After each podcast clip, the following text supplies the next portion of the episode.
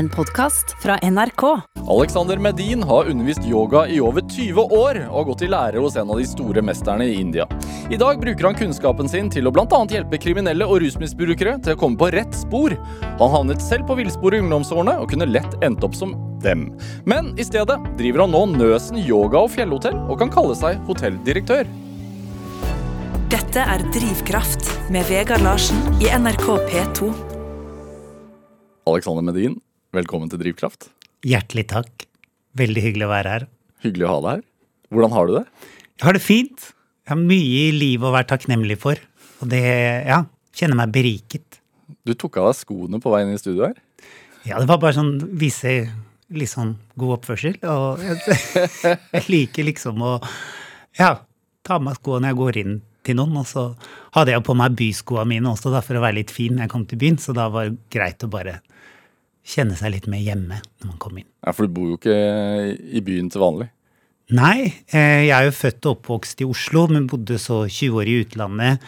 Kom tilbake og bodde i Oslo i fem-seks år og flytta til ja, Hemsedal og Valdres. Eh, bor egentlig litt sånn begge steder. Eh, og er veldig takknemlig for det, og er på en måte eier av et gammelt fjellhotell da, som heter Nøsen. Er det Når man driver med yoga altså, på den måten du gjør, så, hvor det er da Det er jo en, del av deg, antar jeg. Start, starte hver morgen med yoga? Eh, hver morgen er i hvert fall mye bedre med yoga, men eh, fem-seks dager i uka Ja. gjør jeg yoga. Så du rekker ikke hver dag, du heller.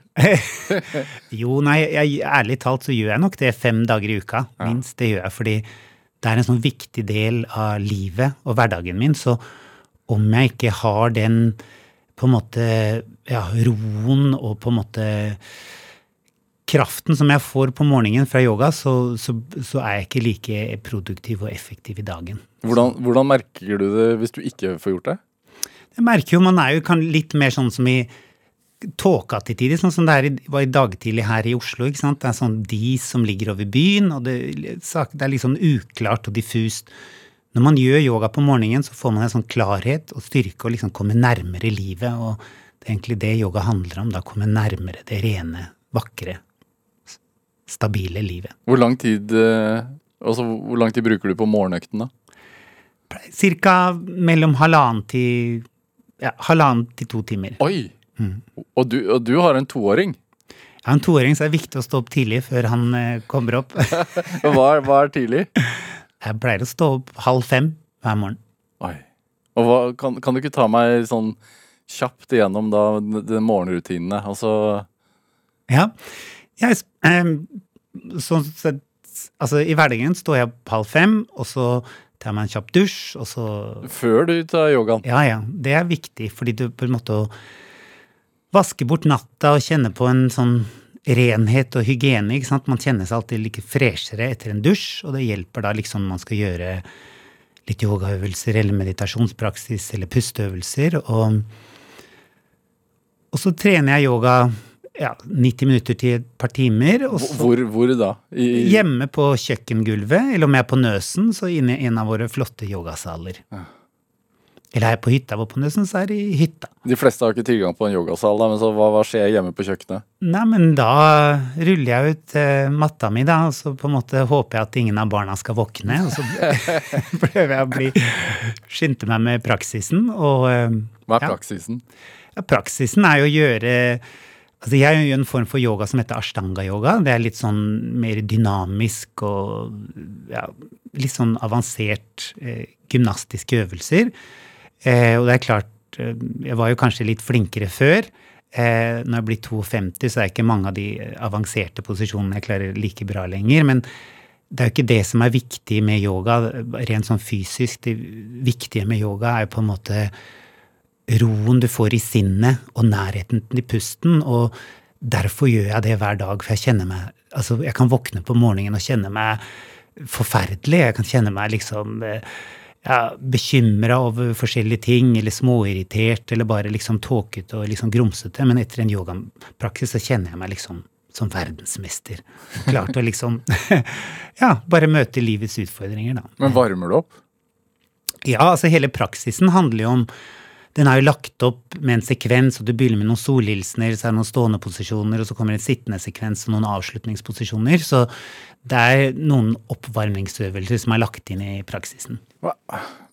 Altså, de, de aller fleste av oss har ikke tid til halvannen time sånn økt eh, Eller jeg i hvert fall sier til meg selv at jeg har ikke tid til en halvannen times økt på morgenen. Jeg har sikkert det hvis jeg også står opp halv fem. Eh, Men kan den være kortere? Altså, må den være såpass lang? Absolutt. Den kan, altså det holder med om den er ti minutter. Og for de vanlige som liksom, så holder det med ti minutter, kvarter, kanskje halvtime. Men det er jo å ha den egentiden, da. ikke sant? Som menneske så trenger vi en reset. Vi trenger å nullstille oss, vi trenger å lade oss opp. Og ha en egentid hvor du liksom puster, du finner ro. Og du også møter deg selv og rydder opp i litt grums, da. Hva tenker du på da? Prøver ikke å tenke på noen ting. Prøver å bare lytte til pusten og på en måte nullstille meg, observere sånn tanker som kommer og går, men på en måte det, Når yoga er som best, da, så på en måte hjelper det oss å på en måte finne litt klarhet i vår egen uro og rastløshet, og på en måte ja, eh, romme en indre tilstedeværelse av klarhet og liv som bor i oss alle og er tilgjengelig for alle. Jo, hvorfor tror du Altså, det er store ord, da. Jo, men samtidig har jeg hatt privilegiet å jobbe med yoga i 25 år. Og underviste og sett også de forskjellene det gjør med mennesker. da. Ikke sant? Når man er tålmodig og rett tilrettelegger eh, noen gode verktøy som mennesker kan ta tak i for å på en måte bare ja, finne litt sinnsro da, og klarhet og få tilbake troen på seg sjøl og ikke gå vill i livet, som vi mange gjør da, ikke sant? med livets utfordringer og drama, som vi litt fanges i. Og alt det kan man få ved å lære å lære yoga? Puste-yoga? Nei, altså yoga er ikke noe eh, løsning på verdensproblemene, liksom, og menneskelige problemer, men yoga er én eh, løsning for de som bruker den på rett måte. Og da er yoga et godt virkemiddel for å på en måte finne en klarhet, finne mening, og ta tilbake et liv som man kanskje har mista da, i feilprioritering eller vrangforestillinger, eller at man har kjørt huet sitt i skam eller frustrasjoner ikke sant, og gått seg litt vill. Og, og det gjør vi jo som mennesker. Ja. Hvor viktig er altså den pust, pustingen? Prøv, å, prøv et par minutter å bare slutte å puste, og så kjenn hvordan du føler deg. ja, det er ikke særlig deilig. Pusten er liksom det mest sentrale med livet, det. Ja. Og, og pusten er på, helt, eh, på en måte hele nøkkelen med yoga, å finne nærhet til pusten. Men puster man feil? De fleste av oss? Ja, jeg tror mange puster litt sånn eh, grunt, og, og så er det at vi, vi drives av ambisjoner, vi drives av på en måte reaksjonsmønstre eller begjær eller drifter eller irritasjon, hva det måtte være, men på en måte når pusten er som best, så nullstiller den oss, og så skaper den ro, og så hjelper den å fremme en indre tilstedeværelse. Vi har den, Folk sier ok, ta noen dype pust om man er irritert eller kjenner seg oppjaga. Og det, det hjelper for alle, det. Det er ikke noe det kom jo sikkert til Norge lenge før eh, yogateknikkene kom her. ikke sant? Det er noe, En nærhet til pusten fremmer en nærhet til livet. Men yoga prøver å beskrive hvorfor pust hjelper mot å opparbeide sinnsro. Er det fysisk eller åndelig for deg? Begge deler. Det er klart, eh, yoga er fysiske øvelser som gjør meg sterkere, sunnere, friskere i kroppen, og det er masse ja, bonusfaktorer som kommer med det, men yoga har jo også et åndelig aspekt, uten å bli liksom eh, flåsete om det, men det har, har på en måte om å Hva er det vi egentlig er, da? Som mennesker bak vårt navn, vår form, alle våre tanker, alle våre begreper, den DNA-strukturen vi bærer rundt på. Hva er det som holder liv i oss ikke sant? fra fødselen til død? Og det prøver jeg å rette litt søkelys på, litt fokus på. Hvordan kommer vi nærmere det? Hva er det, hva er det da, tenker du? Altså Det kan ikke beskrives i ord, for det er umulig å, å beskrive det, men yoga på en måte god, En god yogapraksis og klassisk yoga prøver å definere hvordan på en måte sinnet vårt er sammensatt, hvordan vi kan forstå at vi skaper lidelse eh, i vårt eget sinn gjennom handlinger, gjennom mønstre, gjennom at vi blir eldre. Men vi kan også skape glede, og vi kan få et vakkert liv da, gjennom å ta vare på gode handlingsmønstre som gir på en måte en positiv forvandling i livet vårt og retter opp i ja, vrangforestillinger og på en måte forstyrrelser som skurrer. Da. Men det, det, det altså det har blitt forsket på hva yoga gjør med kroppen. Altså det senker eh, pulsen og, og blodtrykket. Eh, og, og, du får mer ro. Og så er det en fysisk del av det, så du kan bli sterkere i kroppen. og ting. Men er det ja, Kan man tenke på det som en, som en annen type, altså en form, hvilken som helst form for idrett? Altså sånn at, at man får endorfiner, lykkehormoner, når man utfører det? Ja, altså snart blir det kanskje en olympisk gren som heter yoga også, hvem veit?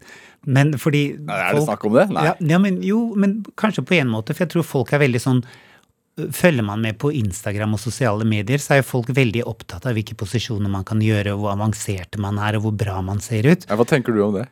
Jo, det, altså det er en del av popkulturen med yoga, det. Det er helt greit, liksom. Men det er jo på en måte en yogapornografi. Det har ikke noe egentlig med yoga å gjøre. Yoga har med på en måte å vende oppmerksomheten innover det. På en måte å forstå sine egne reaksjonsmønstre, finne ro, finne klarhet i eget sinn. Og det på en måte Det gjør du ikke gjennom å på en måte bare prøve å ja, brife eller hele tiden strekke deg mot et fysisk ideal. Så yoga som fører til kroppspress, som jo. sikkert eksisterer, det det er ikke det du driver med? Jo, altså jeg har jo drevet med det, jeg også. Jeg er jo opptatt av kroppen min, og jeg liker å på en måte holde meg i form. og eh, Det er vel heller sånn nå at jeg liksom Shit, jeg merker at jeg, jeg klarer ikke det idealet jeg en gang eh, strakk meg etter å kunne før. Mm. Og det er jo litt, eh, eh for, eh, forvirrende på noen måte. Men ikke sant, yoga er som all fysisk idrett er bra for oss. Vi trenger å trene, vi behøver å bevege oss. Det, det er liksom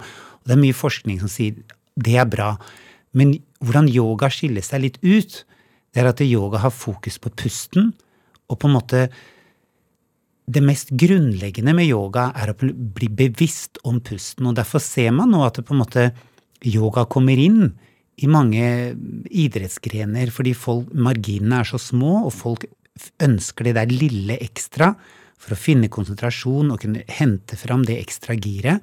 Så da på en måte ser man at yoga er ett virkemiddel. Men og de bruker yoga bare for å bli, få olympisk gull, så er ikke det noe galt i det. Det er kjempebra, det.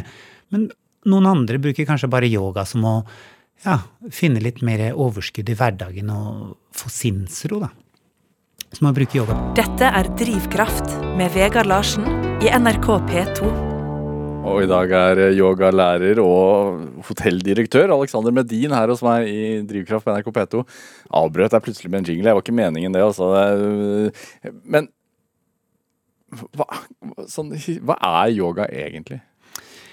Ok, Det er et bra spørsmål, for jeg stiller meg selv det spørsmålet hver dag. Men kort fortalt, så grammatikerne definerer yoga fra verbet yuj. Yujir yoge og yuj samadao. Det betyr på en måte to ting. Det betyr å sammenføye, og på en måte og på et sånn underordnet plan så betyr det et slags forening. Å bevege seg fra noe uklart til en klarhet. Og på en måte sammenføye to ting. Men på en overordnet plan så betyr yoga på en måte en absorbasjon. Å hvile i en ren, klar bevissthet som du ikke kan beskrive, men noe som bare er. Og teksten er veldig tydelig på at det vet ikke vi hva er. Det, det, det veit vi ikke. Men det, på en måte, det grunnleggende med yoga er å prøve å lære oss å regulere destruktive handlingsmønstre, atferdsmønstre, som kan fremme en bedre velvære, en større lykke, en større klarhet og en sinnsro. Og gradvis da, så er det liksom mange stadier man kan gå igjennom, men det begynner med å prøve å bare frigjøre deg fra lidelse, frustrasjon og uro, og strekke deg mot en klarhet og en stabilitet. Men den klarheten og stabiliteten det er ikke noe som ligger utenfor deg selv, det er noe som allerede bor i alle yogaens på en måte viktigste oppgave i henhold til hva tekstene prøver å beskrive, ja. er å finne veien hjem. Det, det, høres jo ut som Litt religion? Religion, dette her. Ja, men altså Han er frelst, tenker jeg da. Ja, jo, det, det kan jeg forstå, men på en måte yoga er ikke-sekterisk. Og yoga er heller sånn at ja, de erkjenner en eh, aspekt av Gud, men er du kristen, muslim, jøde eller hva du nå tror på, så på en måte prøver yogateksten å si at den religionen, eller din måte å tolke det guddommelige på, da, det er åpent for hver og en, liksom. Det er ikke noe sånn at du må tro på hinduismen for å gjøre yoga. Men er det der det oppsto? Ja, det er ikke noe tvil om. Yoga kommer fra India og de gamle tekstene. Eller det kommer Altså, det er vanskelig Yoga er uavhengig av på en måte den vediske kulturen. Men i vedaskriftene, i de senere vedaskriftene, Upanishadene og Aranyakas og Brahmanas, så ser man Dette er hinduismen. jeg har noen tekster innen hinduismen, Ja. så ser man referanse til yoga. Og da, de første referansene der, det er liksom, handler om å kontrollere sinnet, finne en indre klarhet, og på en måte kontrollere pusten. Dette refererer til Kata Upanishad og Shvetashvatara Upanishad. Men så ser man senere fra ca. rundt vår tidsregning, par hundre år før Kristus, eller par hundre år etter Kristus, så kommer det en tekst som kalles på en måte Yoga Sutras of Patanjali. Det er første teksten som sammenfatter hva klassisk yoga er. Eh, men da eh, moderne forskning har på en måte kartlagt at yoga muligens har oppstått uavhengig av den vediske tradisjonen, men at den vediske tradisjonen har senere absorbert yoga. Tatt den til seg, tatt den til seg. Fordi at Eh, fordi at det på en måte Yoga blir jo på en måte noe sånn eh, Altså, det er vanskelig å Du finner ikke ordet yoga i vedaskriftene, eksempel, men du finner de senere tekstene, og det er yoga liksom På sanskrit så har du da seks forskjellige klassiske indiske filosofier, og alle på en måte har in, jo, elementer av yoga i seg, da som virkemiddel for å på en måte eh, kontroll av sansene, en klarhet i sinnet, og noen sånne ekstraordinære egenskaper som kan eh, få da om man blir dyktig på yoga. Men Hva er det, da? altså, i tredje kapittel av Yoga Sutra Patanjali så snakker de om sånne som det kalles vibhutipad, eller forskjellige siddis. At man kan bli på en måte Når man lærer å mestre kroppen sin, så kommer det med noen sånn ekstraordinære egenskaper. Og, og det nevner de da. Ja, hva er de, da?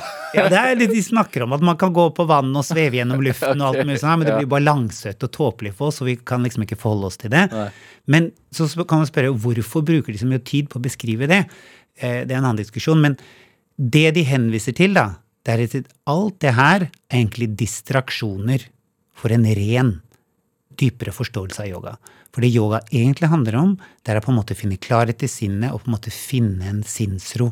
Og på en måte hvordan du kan nullstille alle disse eh, ville vrangforestillinger og ideer. Som, for vi tror jo ofte bare på vårt eget sinn, da. Og tanker, det blir vår virkelighet, men det er noe mer.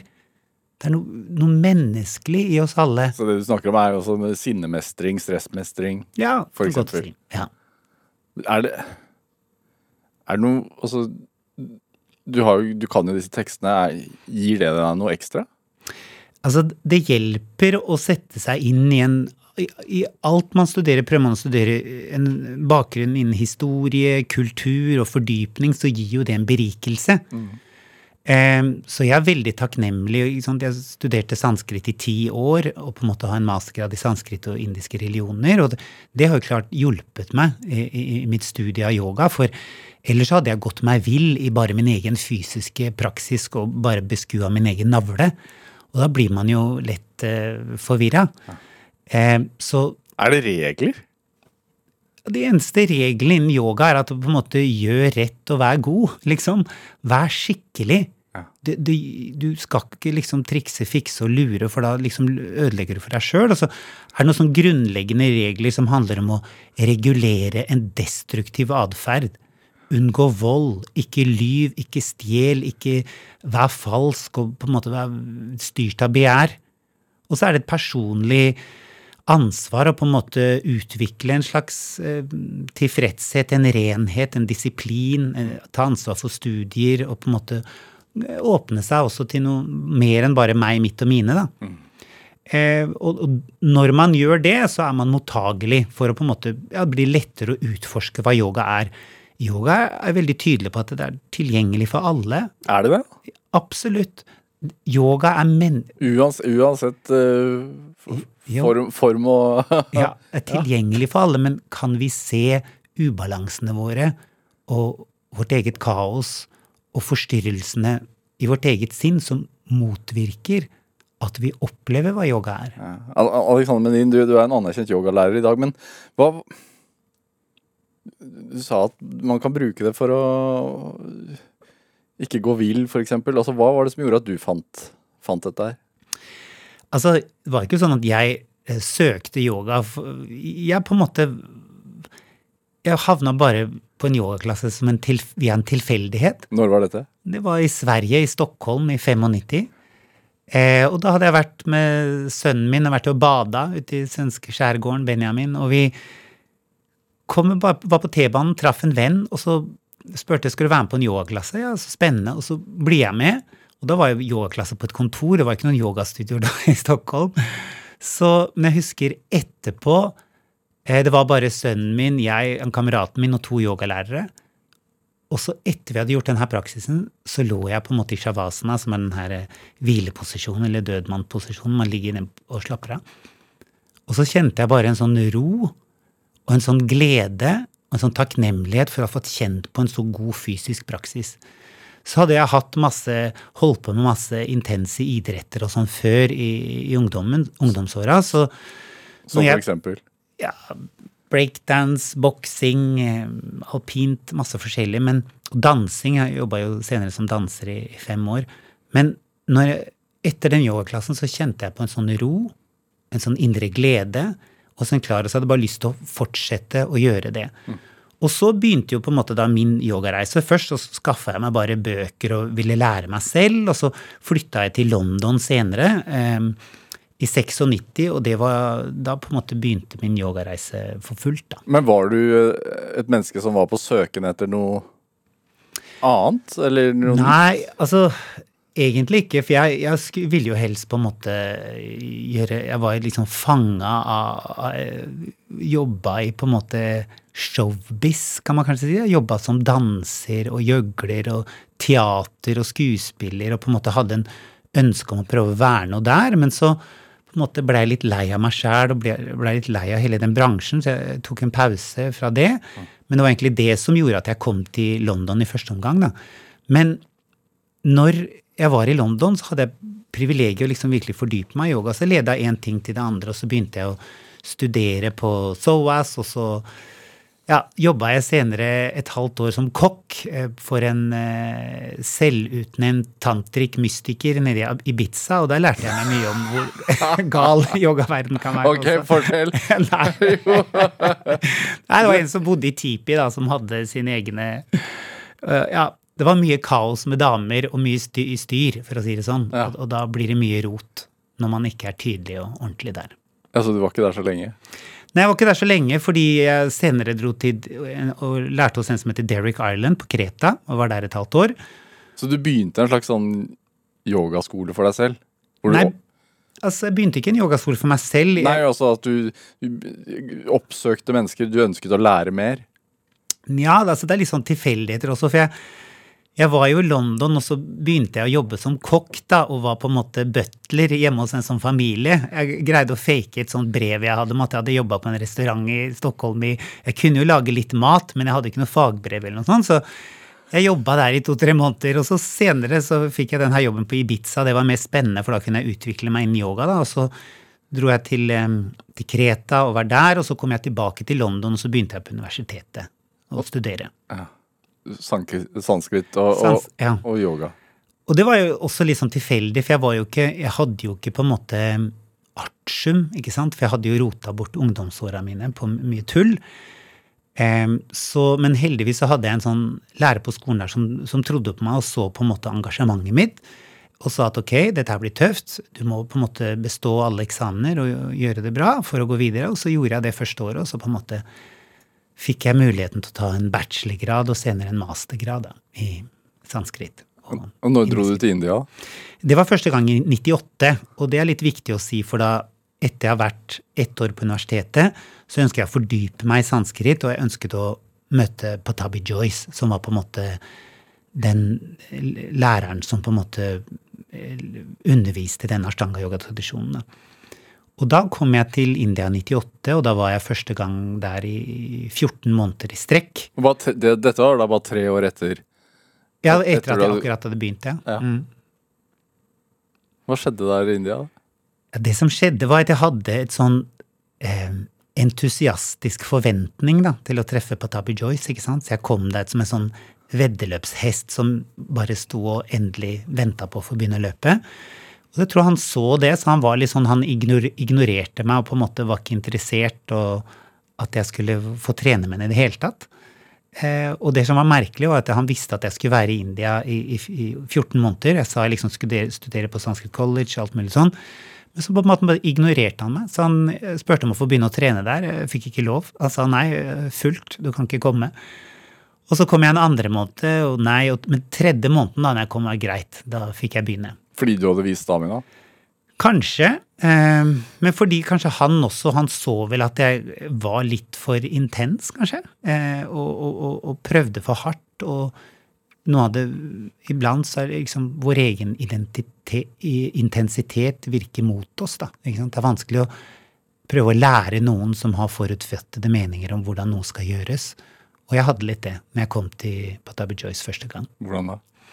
Nei, jeg, på en måte, jeg, jeg trodde jeg kunne mye mer enn jeg kunne. Eh, Jeg hadde en sånn hadde en, sant? Vi har en tanke om oss selv, hvordan vi vil være. Og så så han meg kanskje på litt annen måte, som han opplevde at jeg var. Han prøvde å jekke meg litt ned og prøvde å, å se på det jeg ikke kunne. På en måte å forstå mer hvordan jeg tok noen kjappe løsninger og pusha meg litt for hardt. da.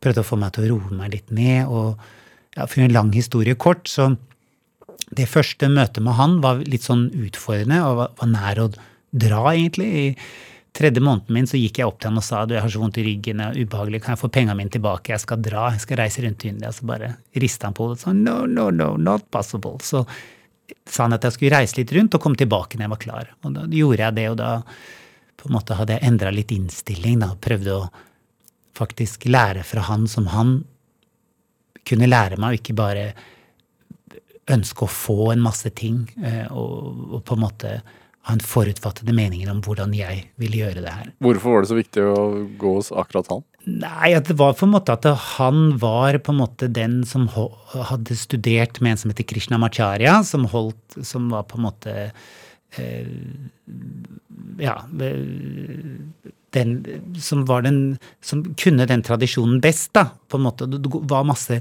myter og sagn rundt Krishnamacharya, ikke sant, som var spennende. Patabi Joyce også, for den saks skyld. Men det som var viktig for meg, var å på en måte gå og søke ut en, en levende tradisjon.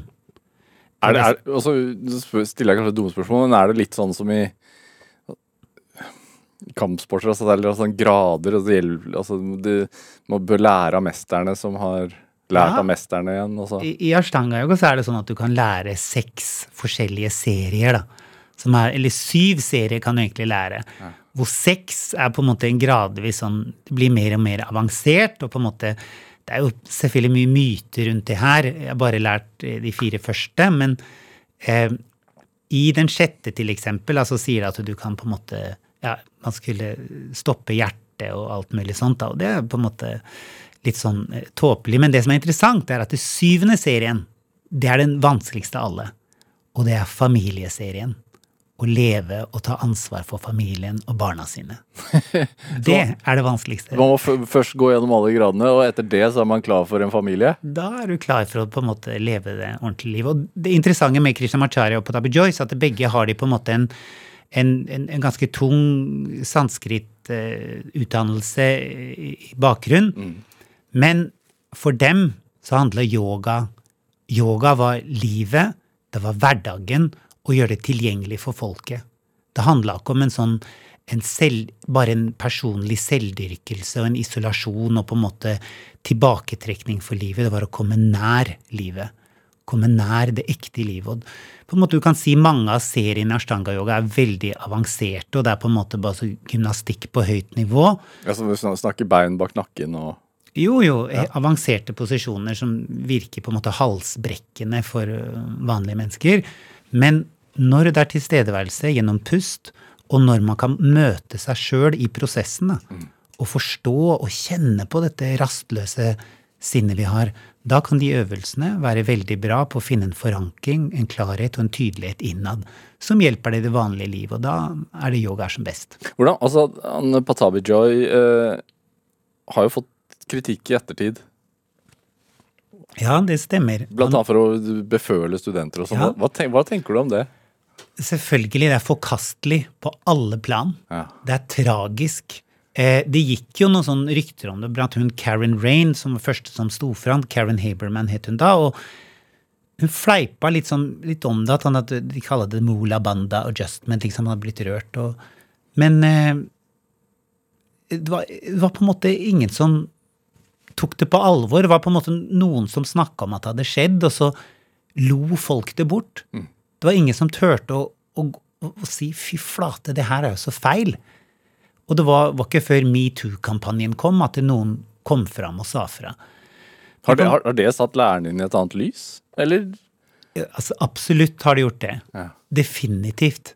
For det har jo på en måte Men for meg så var på Tabby Joyce på en måte Han var bare et menneske. Han var veldig åpen om på en måte var veldig tydelig at han, han, han sleit med sitt. Han ble jo Han er jo på en måte oppvokst som en veldig sånn tradisjonell brahmin, på en måte levd et presteliv, da, men så, så ble han veldig, oppvokst på en måte veldig fattig, og så kom han veldig sent til berømmelse, ikke sant, sånn som i en alder av ja, var først fra han var 70 til han ble 80, liksom yoga begynte å slå igjennom, og når han var 90 år, så ble, ble han på en måte hylla av ja, 1000 mennesker i Mysore nesten, ikke sant, på, på dagen hans. Men det tragiske med et menneske som tillater seg å gjøre sånne ting, det, er, det viser jo sånn manglende respekt for mennesker. Men samtidig så hadde Patabi Joyce en sånn måte å eh, irritere folk på, og trykke på folks knapper, da. Eh, Og jeg kan ikke si noe om hvorfor han gjør det, annet enn jeg kan si at jeg syns det er forkastelig, jeg syns det er trist, og jeg opplever det som tragisk. Men hva tar du med deg derfra uansett, da? Fra, fra tiden din der? Min tid med Patabi Joyce var, var dyrebar, for jeg, liksom, jeg, jeg hadde tid med han i mange år til å fordype meg i yoga, og ikke gå vill i bare mine egne tolkninger. Men ha noen som på en måte ga meg noen retninger, tipsa meg litt, veileda meg, og det, det trenger vi jo alle, ikke sant? Vi trenger noen støttespillere og noen å bryne oss på for å ikke gå vill i oss sjøl.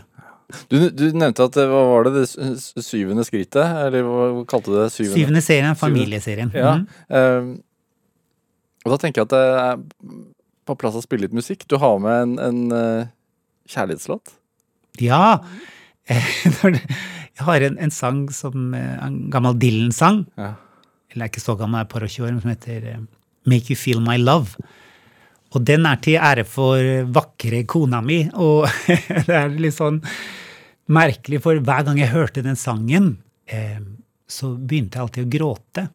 Fordi hun, første gang hun spilte den sangen for meg, så var det i bryllupet vårt, og da hadde hun lurt meg. Da hadde hun sammen med noen venninner fra Hemsedal, så hadde de innøvd denne sangen som de sang da, sammen i et kor.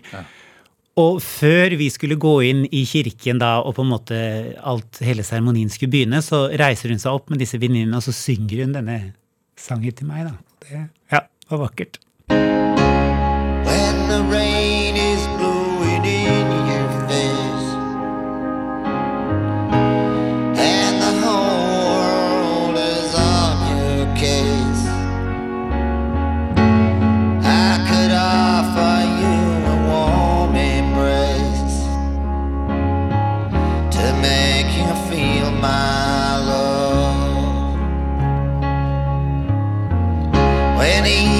shatters and the stars appear,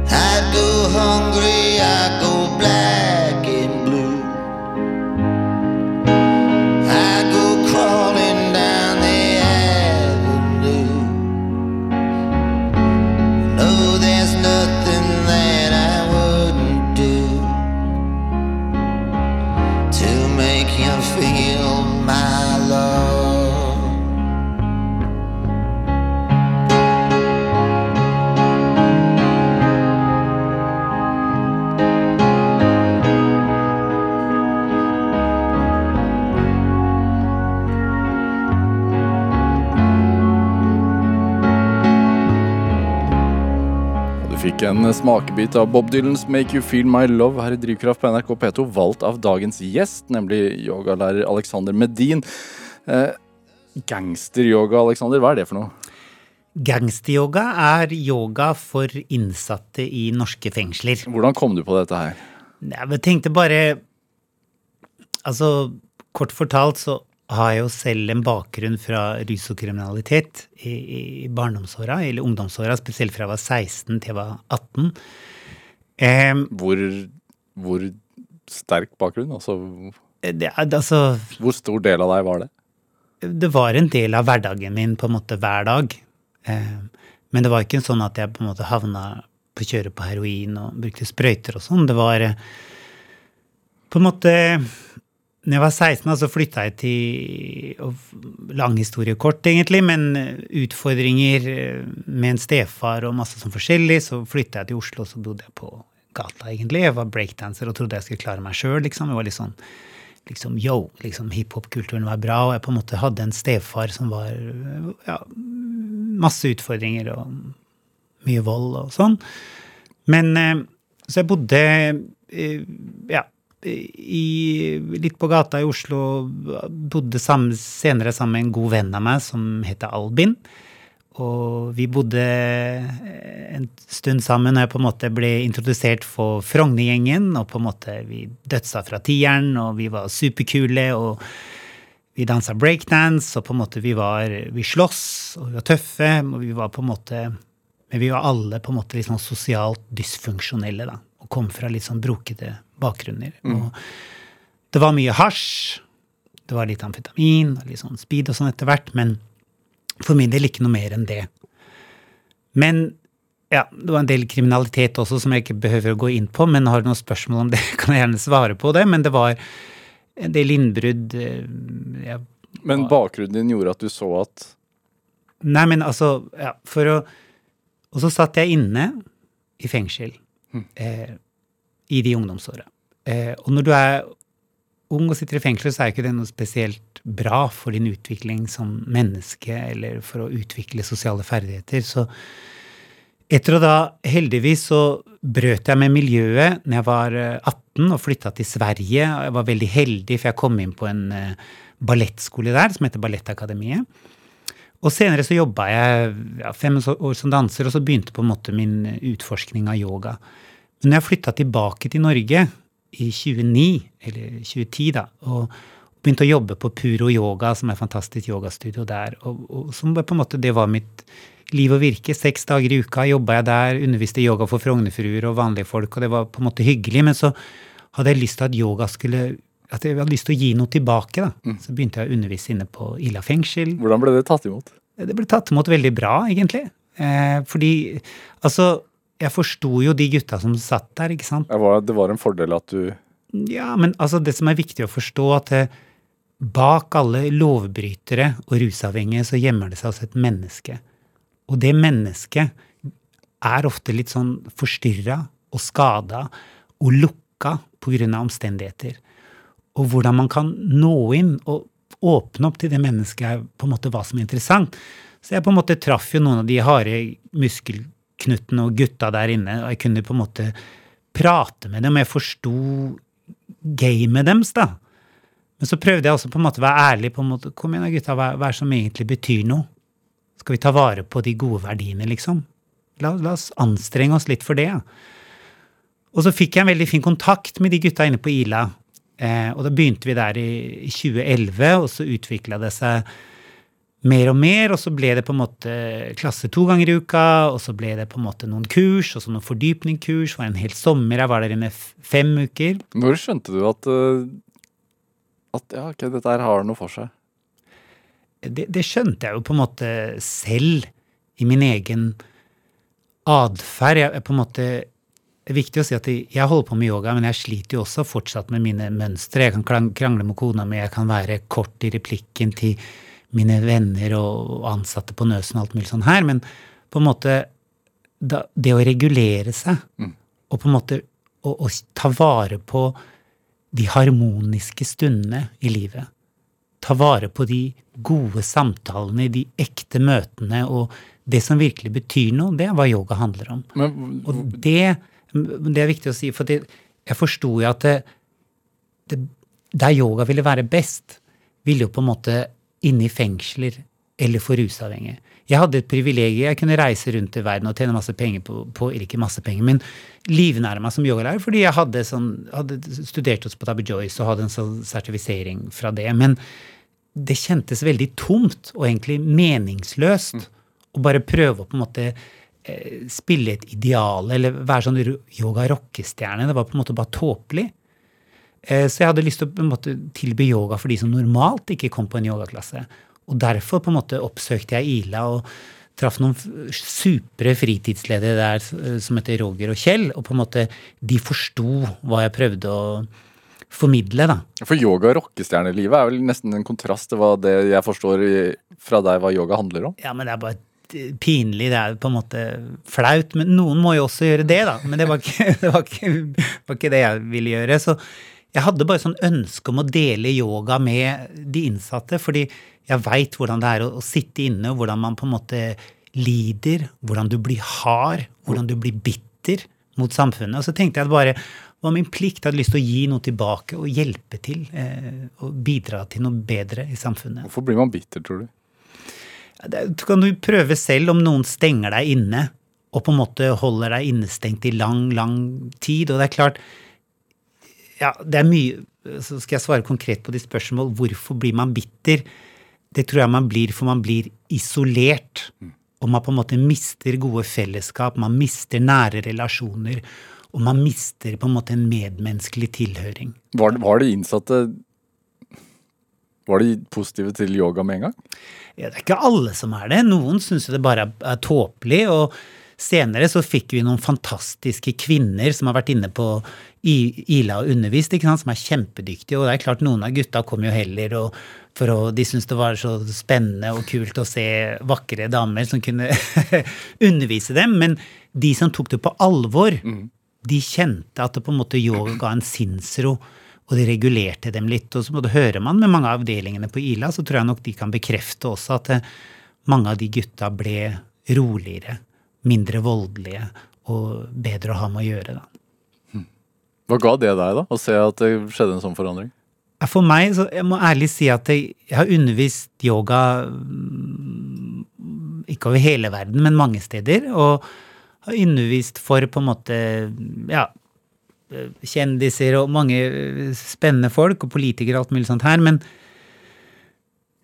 det som ga meg mest mening, det var på en måte å undervise inne på Iland. Hadde jeg gått gjennom på en måte ti låste dører, og når de kom, når de lå i den avspenningsøvelsene på slutten, når de kommer opp etter klasse og viser sin takknemlighet, det var meningsfylt for meg, og det var, ga meg glede. Så derfor ønska jeg å fortsette med gangsteryoga. Så egentlig, vi holdt jo på i, i mange år, og så var vi heldige og fikk litt støtte av kriminalomsorgen, og, eller først stiftelsen DAM, da.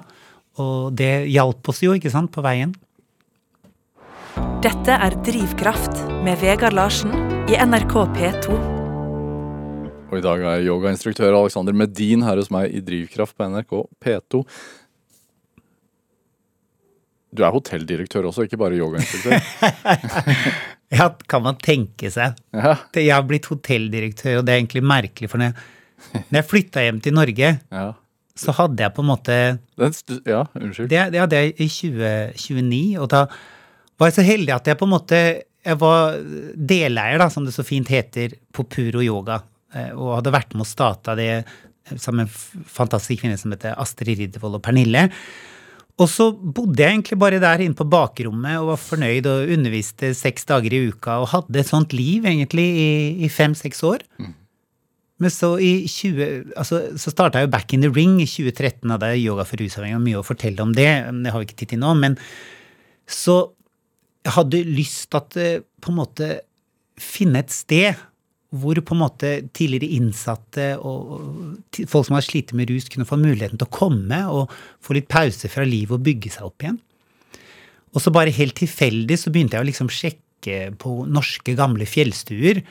Og så ja, kom jeg til slutt over Nøsen, da. Og så var jeg også veldig, veldig heldig og fikk litt økonomisk støtte fra en hyttenabo. For først så bare leide jeg Nøsen, og så skulle jeg bli kasta ut, for det var noen som skulle drive isbanekjøring på Storfjorden. Men på en måte, jeg var veldig heldig å komme over Nøsen, som er et vakkert sted i Vestre Slidre kommune, som ligger oppe på fjellet mellom Valdres og, og Hemsedal. Eh, og så skal det jo sies at vi fikk en sånn flying start da, i 2015 da jeg tok over. Så begynte vi rett etter vi hadde åpna med å ha akuttmottak i tre måneder Akuttmottak? mm, for flyktninger. Ja. Og det var en veldig spesiell opplevelse, og det var en sånn sjokkopplevelse å bli organisert og på en måte få orden på ting. da. Hvorfor ville du gjøre det?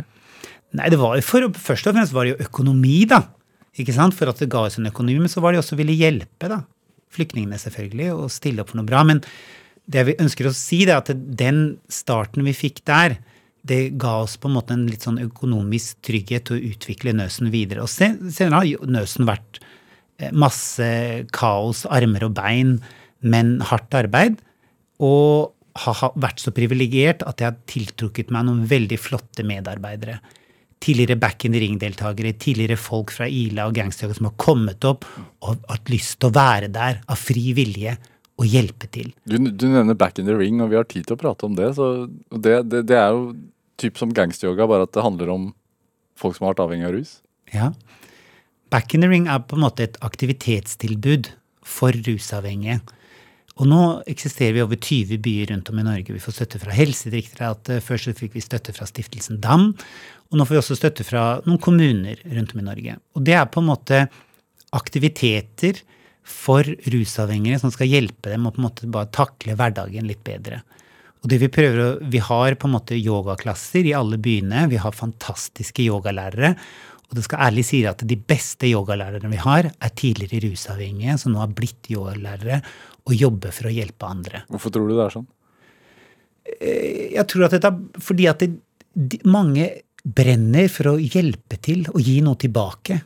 Og mange som har holdt på i år med rus og kriminalitet og på en måte holdt på med en destruktiv atferd. Det der å reise seg og gjøre rett og være god, det er en god følelse, det. Og når du gir folk muligheten til det, og når disse menneskene selv blir lærere og er med å bidra, så eh, har de en egen gjennomslagskraft å nå likesinnede. Men tror du at det er altså kan, Har det vært et godt substitutt for rusen for dem? Altså sånn Ja, altså yoga kan jo bli en, en, en annen avhengighet som alt mulig, men vi er jo alle, alle avhengig av et eller annet. eh, Og det at folk lærer seg gode rutiner hver- i hverdagen, stå opp tidlig om morgenen og ha noen øvelser de gjør hver dag for daglig hygiene, som gir klarhet, som gir mening, som gir bedre tilstedeværelse i livet, det, det er jo det beste man kan ha, det. Eh, og, jeg må bare si den takknemligheten jeg kjenner til de tidligere rusavhengige rundt om i Norge som jobber for Back in the Ring og er med å bidra til Back in the Ring, det er, det er min største glede. Det er min største på en måte, Det er det jeg er mest fornøyd med i livet, å på en måte kunne drive Back in the Ring og la disse menneskene jobbe og utvikle seg og bidra. Hvorfor er det det for deg? Det er fordi det er på en måte Det er en glede. Og så skal det jo sies at jeg begynte Back in Ring bare som et prøveprosjekt. da, En sommer på Puro Yoga i Oslo. ikke sant, Syv uker hvor jeg var og samla noen rusavhengige på institusjoner i Oslo og nede på Plata, prøvde å pushe litt yoga istedenfor dop. Og fikk dem med, da. Og, ikke sant? og det, var, det var helt enkelt Det var en veldig fin tid. Og så tok jeg det med til India, ti stykker, og vi hadde en veldig fin tid sammen. Og sånn starta egentlig Back in the Ring. Å få muligheten til å fortsette å jobbe med det nå, og se at folk liksom eh, skaper en endring i livene sine og er med å bidra til noe godt i samfunnet. Så du deg selv i dem, eller? Ja, altså, det gjorde jeg. Selvfølgelig gjorde jeg det. Jeg kunne jo også endt opp som rusavhengig og som kriminell eller med store sinnslidelser, ikke sant. Det kunne jeg. Hadde jeg ikke Tror jeg mye har at jeg flytta fra Oslo, og mye har at jeg hadde privilegiet å fordype meg i yoga, og mye har på en måte en sånn grunnleggende kjærlighet som moren min ga meg i tidlig alder. Er det så, sånn som Back in the Ring, du var du, Siden det begynte som et prøveprosjekt, så må det jo ha vært en usikkerhet der. Når skjønte du at ja, dette hjelper, dette bidrar, dette får folk ut av rusen? Eh, det, det kjente jeg ganske tidlig, egentlig. Men utfordringen var jo på en måte alt men Back in the Ring og gangsteryoga var jo på frivillig basis ikke sant, i begynnelsen. Nå støttes vi jo av Helsedirektoratet Ja. og kriminalomsorgen, så det er mye, mye lettere å drive det. Og så kan vi jo si ok, ja, vi har utfordringer alltid hvert år, og med søknader om støtte og alt mulig sånn der for å få det til å gå rundt, men på en måte nå har vi, nå har vi på en måte styrken til Back in the Ring og gangsteryoga er medlemmene våre og deltakerne som vi har jobba med. Den kraften og den punchen de har i det de gjør, det er hva som er back in the ring. Og, og det er jeg så takknemlig for. For måte, altså, jeg som enkeltperson har masse begrensninger og er, famler på mange områder.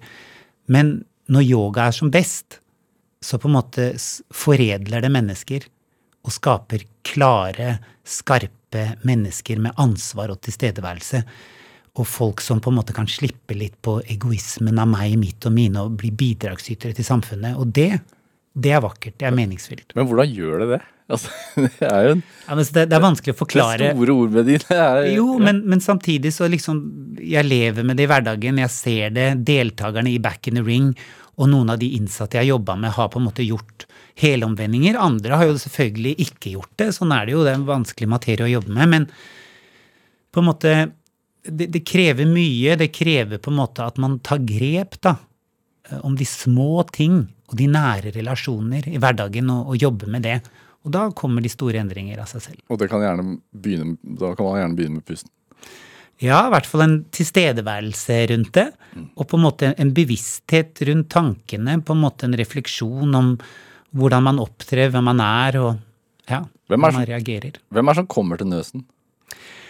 Til Nøsen kommer det alt fra på en måte ja, Back in the Ring og gangs, til tidligere gangsteryoga-folk, til på en måte ja, folk fra hele Norge. Det kommer eh, yoga-nybegynnere, det kommer folk som er avanserte, som ønsker å fordype praksisen sin. Det kommer nysgjerrige hyttegjester bare forbi for å ville se på hva vi holder på med.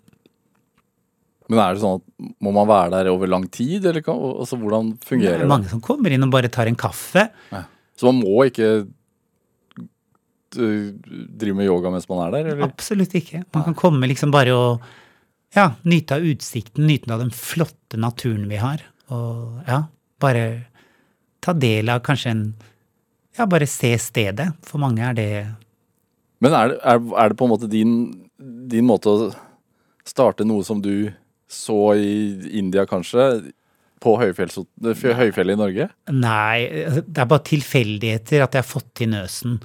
Eh, og det har mye å gjøre med flotte samarbeidspartnere og folk som har støtta meg. Det er ikke noe sånn at jeg hadde et overordnet mål og skulle ha et sånt ashram i Oslo, for det er i Norge, for det er det absolutt ikke. Det er, vi driver et kommersielt eh, fjellhotell, men det er yoga som er på en måte limet og bindeleddet i alt vi gjør. Vi har ikke noe alkoholservering, men vi har på en måte fantastisk mat. Vi har et fantastisk eh, på en måte personale. Og vi har folk som på en måte brenner for å bidra med noe fint. da. Og det har satt seg i veggene, og det skaper et godt miljø. Vi har ikke noe alkoholservering, men vi, har på en måte, vi prøver å skape gode opplevelser. Ekte opplevelser av på en måte nærvær og tilstedeværelse i livet. Og det, det er fint. Hvordan hva, hva har yoga gjort med livet ditt? Yoga, uten tvil, så er det det vakreste jeg har i livet mitt. eh, Selvfølgelig familien først, og, og på en måte barna mine. Og, men yoga har på en måte gitt meg livet tilbake. For jeg, gikk, jeg gikk meg litt vill i ungdomsåra. Og jeg på en måte var litt sånn ja, vill og forvirra. Og på en måte yoga har hjulpet meg til å måtte bare få klarhet i et rastløst sinn. Og finne mening og på en måte slappe av. Og på en måte være den jeg er. Og på en måte ta ansvar. Og være med og bidra, liksom. Det, er- det er det viktigste yoga har gitt meg. Hva tenker du er din drivkraft da? Nå? jeg vet ikke, Min drivkraft før har vært veldig styrt av egen personlig vilje. Og jeg tror jeg har jo sånn ekstra gir som kan på en måte hente fram en sånn enorm kraft iblant når det trengs. Men nå er drivkraften min på en måte å skape harmoni. Å skape glede. Gi meningsfulle opplevelser for mennesker. Det er det vakreste jeg kan gjøre. Alexander Mendin, tusen takk for at du kom hit til oss. Hør eh, flere samtaler i Drivkraft i NRK-appen, eller last oss ned som podkast. Send oss også gjerne ris og ros og tips til mennesker som du mener har drivkraft. Send den e-posten til drivkraft, krøllalfa, nrk.no. Vi hører veldig gjerne fra deg. Produsent i dag var Ellen Foss Sørensen. Siv Ammer gjorde researchen. Jeg heter Vegard Larsen. Vi høres. Du har hørt en podkast fra NRK. Hør flere podkaster og din NRK-kanal i appen NRK Radio.